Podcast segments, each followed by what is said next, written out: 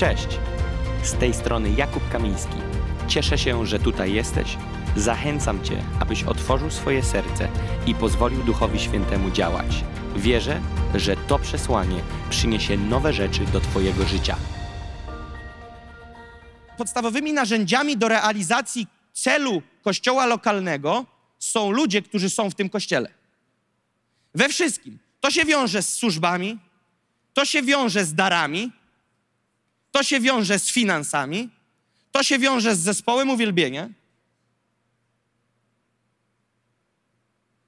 Jeżeli nastawimy się, że wszystko przyjdzie z zewnątrz, to teraz uważaj, dodam ci jedno pytanie. Co by było, gdyby każdy kościół pomyślał jak ty? Widzicie to? Wszyscy czekaliby na zewnątrz. Nie, nie, nie. Musimy się nastawić na to, że rzeczy rodzą się ze środka. Jeżeli rzeczy będą rodziły się z zewnątrz, Kościół nigdy nie będzie mógł być Kościołem apostolskim i ufającym Panu, bo wiecznie będzie wierzył, że przyjdzie coś z zewnątrz. Cuda są w środku. Zaopatrzenie jest w środku. Służby są w środku. Dary tu siedzą. Kiedy Kościół nastawi się na to, skądś coś przyjdzie, skądś coś wejdzie, nigdy nie zaangażuje się w pracę lokalną, bo zawsze będzie czekał, aż ktoś za nich zrobi robotę. Wierzę, że każdy Kościół musi odnaleźć swoje powołanie i zrozumieć, że powołanie nad Kościołem nie ciąży nad przywództwem, a nad wszystkimi, którzy są częścią Kościoła lokalnego. I wiecie, na świecie, według moich obliczeń, są dwa rodzaje chrześcijan. Ci, którzy mają impact i nie mają impaktu. Kto się może zgodzić z tym stwierdzeniem? Chrześcijanie, którzy mają impact, wpływ i którzy nie mają wpływu. I nie mówię teraz tutaj o namaszczeniu. Nie mówię tutaj o zakresie w duchu. Wiecie, spotkałem bardzo ciekawych ludzi bożych na swojej drodze. Miałem przywilej usługiwałem na wielu konferencjach za granicą i miałem przywilej słuchać niezwykłych mężów bożych. Jak nie znasz go, patrzysz na niego i mówisz, to jest generał na poziomie światowym, jeżeli chodzi o namaszczenie i działanie. Ale na tej konferencji siedzi 300 osób. Ja myślę, jego namaszczenie jest na poziom 33 tysięcy osób. I przychodzę do niego i mówię: Gdzie są książki, które mógłbym zakupić tw- Twojego autorstwa? Bo po jednym kazaniu ja wiem, że Ty jesteś fighter. A on mówi: Ja nie mam żadnych książek. Ja mówię: OK, a gdzie jest jakaś strona internetowa, gdzie my możemy się z Tobą skontaktować, z Twoją służbą? Wiecie, lat, kilka dekad, kilka dekad w służbie. No, ze stroną to też gorzej. Mówię, strony nie masz? No nie. To jak można? Może jakiś Facebook? Tak, ale nikt go nie prowadzi. Ja mówię, co jest? Zaczęliśmy rozmawiać i powiedziałem, oczywiście z uniżeniem, i mówię, co, co zdanie dodawałem, jeśli mogę spytać, bo było to dla mnie niezwykłe. Mówi, u mnie w kościele, kogo nie poprosisz, nic nie jesteśmy w stanie zrobić. Nie ma służb, ludzie się nie angażują, Poprosiłem ludzi, żeby prowadzili nam social media, nie ma. Chciałem zatrudnić, nie mamy na to finansów. Chciałem wydać książkę, nie ma nikogo, kto weźmie to i sfinansuje. Ja mówię, nosisz w sobie tak gigantyczny potencjał, a przez pewne ograniczenia, nie Boże, nie jesteś w stanie uwolnić tego dalej. Teraz uwaga, kościoły lokalne i my wierzący w wymiarze prywatnym jako ty i ty i w wymiarze kościoła lokalnego jesteśmy szafarzami. Powierzone nam zostało do zarządzania pewne bogactwo i nie mówię teraz o bogactwie finansowym, za, powierzony nam został pewien depozyt w duchu, misja do zrobienia. Każdy kościół ma jakąś misję. Każdy kościół powinien być świadomy swojej misji. I teraz każdy członek kościoła powinien być świadomy tej misji. Dlaczego? Bo jeżeli nie będzie świadomy misji, nigdy nie będzie się utożsamiał z tym zadaniem, bo nie wie, jakie jest zadanie. Teraz powiesz ludzi, zaangażujcie się. No ale ktoś mądry powie, no chcę, ale w co? Jaka jest misja? Jakie są zadania? Co my chcemy uzyskać? Gdzie my idziemy? Z niedzieli na niedzielę tylko się kręcimy, ale jaka jest misja? Zauważyłem stałą zasadę. Ludzie angażują się wtedy, kiedy wiedzą, jaka jest misja. Więc Kościół powinien wiedzieć, jaka jest misja, iść za tą misją, rozprzestrzeniać to, ale uwaga, to będzie rosło, poziomy, na które Kościół lokalny wpływu będzie wchodził, będzie rosło wraz z rosnącą dojrzałością ciała całego, a nie tylko przywództwa. Teraz uwaga, posłuchajcie, co mówię. Do pewnego poziomu wpływu jako Kościół można dojść jadąc, nie, ślizgając się na wieżę przywództwa. Do pewnego poziomu można dojechać, ślizgając się na szpicy, na trzonie kościoła, na tej grocie, na przywództwie. Ale do pewnego poziomu można tam dojść. Ale do kolejnego poziomu Bóg nie dopuści, jeżeli nie będzie rosła proporcjonalność i świadomość potrzeby odpowiedzialności całego ciała za tą sprawę. Są wierzący, którzy mają mikrowpływ, zapisałem sobie takie zdanko, i są ludzie, którzy mają makrowpływ. Przykładem mikrowpływu względem tego powołania, które miał, był ten usługujący, o którym wam mówiłem. Komu wiele powierzono, od, tych wielu się wymaga, od tego wielu się wymagać będzie. I my musimy poruszać się, w szczególności w tej tematyce, którą dotknąłem, że ciężar odpowiedzialności za sprawę nie może spoczywać na przywództwie. To powinno być rozłożone na nas wszystkich. Ja wierzę w Kościół, w którym każdy służy. Wierzę w model Kościoła, w którym każdy się dokłada. Nie każdy w takim wymiarze samym, bo nie każdy może robić to, co inny robi. Nie każdy ma zmysł i dryk do poszczególnych rzeczy. Nie będziemy też stawiać ludzi, których włos, kolor włosa świadczy o dojrzałości, jak Biblia mówi, i o mądrości. Nie będziemy ich stawiać na bramie z tabliczką witam. Rozumiecie? Chyba nie muszę tłumaczyć dlaczego.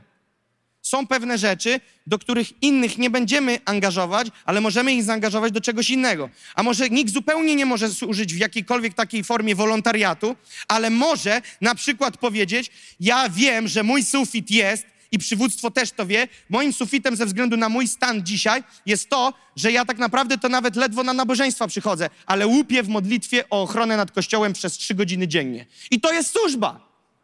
I to jest służba, to jest parasol ochronny, który jest rozłożony nad Kościołem. Innymi słowy, musimy rozłożyć ciężar na całe ciało. I teraz przeczytajmy jeden fragment. Ewangelia Łukasza, 16 rozdział od 10 do 11 wersetu. Łukasza 16, 10, 11. Słowa Jezusa. Kto jest wierny w najmniejszej sprawie i w wielkiej jest wierny a kto w najmniejszej jest niesprawiedliwy i w wielkiej jest niesprawiedliwy. Jak więc w niesprawiedliwej mamonie nie byliście wierni, któż wam powierzy prawdziwą wartość? Słuchajcie, góra. Kto jest wierny w najmniejszej sprawie i w wielkiej jest wierny.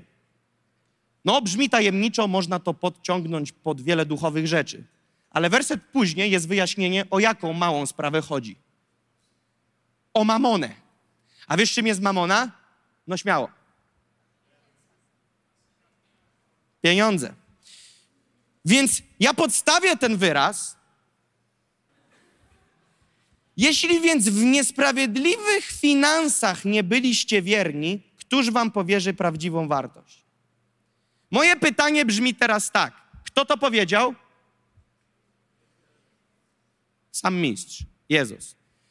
Moje pytanie jest teraz trudniejsze i głębsze. Dlaczego Jezus podniósł finanse jako najmniejszą i niesprawiedliwą rzecz, która jednocześnie będąc najmniejszą i niesprawiedliwą, jest jednocześnie wielkim testem.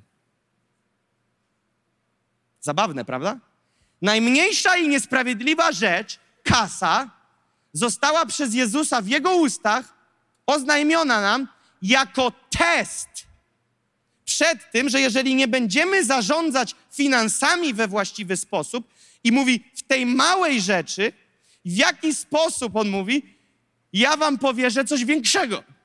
Więc chciałbym zabrać was teraz do jeszcze jednego takiego zdania, które zapisałem, że Bóg rozniósł imperium Egiptu w kilka dni. Znokautował największe imperium, jakie było w tamtym czasie. I wielokrotnie w kolejnych dniach, miesiącach i latach, dekadach szczycił się, jak skruszył twardy kark faraona i jak pobił Egipt i jak wygrał z Egiptem. Bóg jest Bogiem impaktu i chce, abyśmy my, jako Jego dzieci, byli ludźmi impaktu. I jak bardzo się to teraz zgryzie z tą kulturą, którą wniosłeś, wierzę, że to, co teraz powiem, nie będę musiał się nigdy pod koniec życia z tego wycofać, bo znaczy, że się myliłem. Jestem otwarty na zmiany w całym życiu, ale wierzę, że z tego się nie będę musiał wycofywać. W dzisiejszym czasie, nie w tamtym, w tym, dzisiaj, w XXI wieku, bez finansów nie ma impaktu. Bez finansów dziś nie ma impaktu. Wiesz dlaczego?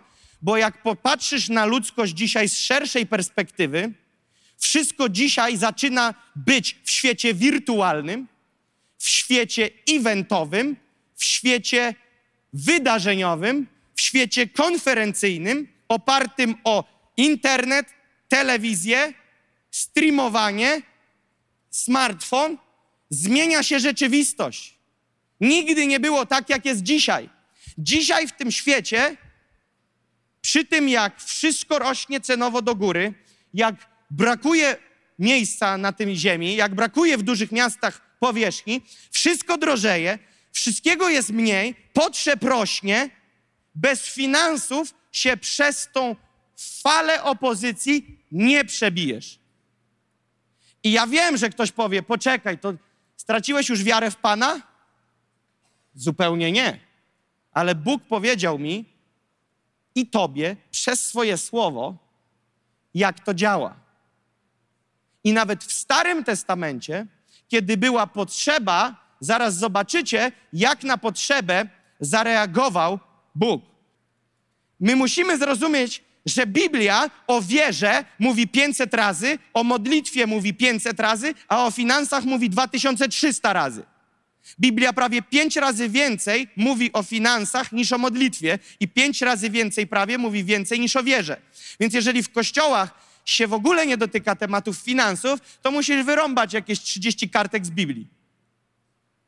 To są tematy, które są na kartach. Jezus ich nie ominął, Duch Święty ich nie ominął, Bóg Ojciec ich nie ominął, to i my nie powinniśmy ich omijać. Zwłaszcza, kiedy wierzymy, że Bóg ma dla nas wielkie rzeczy. I widzę wiele przypadków, gdzie służby i rozwój służb został zatrzymany z powodu ciągłego braku finansowego. Drugi list świętego Pawła do Koryntian, dziewiąty, wers, dziewiąty rozdział od szóstego do ósmego wersetu mówi tak. A powiadam, powtórzę jeszcze raz, drugi Koryntian, dziewiąty rozdział, od 6 do 8. Wszystko macie za moimi plecami na rzutniku. A powiadam, kto sieje skąpo, skąpo też rządź będzie. A kto sieje obficie, obficie też rządź będzie. Każdy tak, jak sobie postanowił w sercu, nie z żalem albo z przymusu, gdyż ochotnego dawcę Bóg miłuje. A władny jest Bóg udzielić wam obficie wszelkiej łaski, abyście mając, teraz słuchajcie, zawsze wszystkiego pod dostatkiem, wola Boża, mogli hojnie łożyć na wszelką dobrą sprawę. Ja tym wersetem nie chcę was pchnąć do miejsca, teraz dajcie więcej, zbierzecie więcej. Chcę wam pokazać tajemnicę w tych wersetach. Są tutaj cztery punkty. Pierwszy to jest decyzja o sianiu dawaniu. Przypatrzcie się tym wersetom. Początek jest jaki? Kto się jest skąpo, skąpo też rządź będzie, kto się je obficie, obficie też rządź będzie. Każdy tak, jak sobie postanowił w sercu. To jest pierwsza rzecz, decyzja. Druga rzecz jest, udziela obficie. Dlaczego? Bo jest napisane, władny jest Bóg udzielić wam obficie. Więc drugi podpunkt, który możesz sobie zapisać, to jest udziela obficie. Konsekwencją czego jest trzeci punkt, abyście mając wszystkiego pod dostatkiem, mogli hojnie łożyć. Więc trzeci punkt jest łożyć obficie. I czwarty punkt łożyć hojnie na wszelką dobrą sprawę. Dobra sprawa. Popatrzcie na to. Pierwszy punkt decyzja. Drugi punkt udziela obficie. Trzeci punkt łożyć obficie. Czwarty punkt dobra sprawa. Teraz rozwinę te punkty. Pierwszy punkt decyzja, dopisałem sobie, jest to decyzja o sianiu i dawaniu. Drugi punkt udziela obficie, jest tak naprawdę już zbiorem tego, że zasiałeś. Zbiór, teraz posłuchajcie tego, zbiór nie jest finałem. My często mówiliśmy, zasiej, zbierzesz i kończyliśmy proces. Nie, nie, nie, przed nami dwa schody.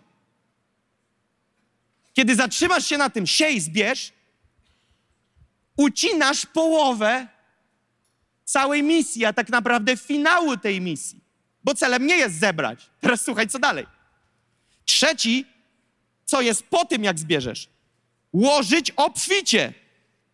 Czyli uwaga, zapisałem sobie, koło zaczyna robić ponowne okrążenie. Widzicie to? Koło robi, teraz jest kolejne okrążenie już. Na trzeciej stacji robi się już koło. I czwarte jest cel. Dobra sprawa. A więc celem jest, że ty, inicjując ten proces, uważaj, inicjując tą zasadę Królestwa Bożego, co robią ludzie często? Panie, jak dasz, będę łożył. Uczyń mnie kanałem przerzutowym. A Bóg mówi, już dawno chcę. Ty zainicjuj ten proces. Amen? Co robisz? Biblia mówi, siejesz, zbierasz, ponieważ On udziela obficie, abyś mógł hojnie łożyć na wszelką dobrą sprawę. Koło się zamyka, ale teraz to nie będzie koło o tym samym promieniu, ponieważ początek mówi, jeżeli siejesz obficie, obficie rządź będziesz i promień koła będzie się zwiększał. Więc to jest koło, które jeśli zainicjujesz i będziesz wierny, ono się będzie poszerzać. Zobacz, jak to działa.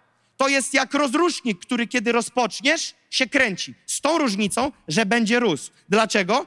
Bo ty, twoją robotą jest to zainicjować, a później zrobić drugą rzecz. Być wiernym, kiedy się zacznie. Słuchaj się w to. Twoją robotą jest zainicjować i być wiernym, kiedy koło ruszy. Nie rusza się koło. Jest zastygnięcie. Temat finansów u ciebie umarł. Modlisz się o cud od 15 lat. Teraz co? Inicjujesz, dajesz, siejesz. Ruszyłeś z kołem. Koło się zaczęło. Co się dzieje dalej? Bóg ci udziela. To jest drugie, to nie jest przed daniem, to jest po daniu. To nie jest przed, to jest po. Udzielił ci. Po co?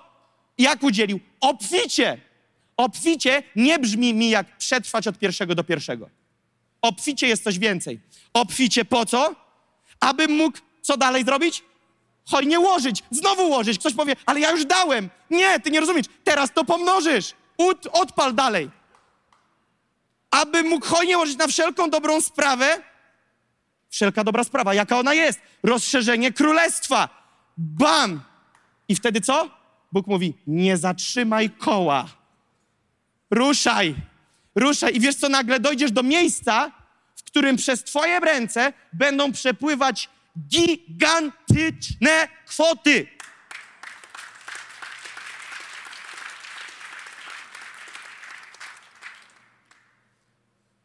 Pięć lat temu pastor z Anglii przychodzi do mnie i prorokuje, mówi tak. Nie wiesz jeszcze, co Bóg dla ciebie przygotował. Coventry. Nie wiesz, co jeszcze Bóg dla ciebie przygotował. Przez twoje ręce będą przepływać miliony rocznie. Tak mi sieknął kilka lat temu. Mówię, czad, na razie to ja biegam na inną stację po tańszego hot doga. No ale jak tak będzie, to się tego chwytam. I wtedy Bóg mnie przygotowywał dalej. Rozpocznij to koło. Zacznij działać w tym kole. Bądź wierny. Bądź wierny. Bez względu na sytuację, podtrzymaj obieg koła.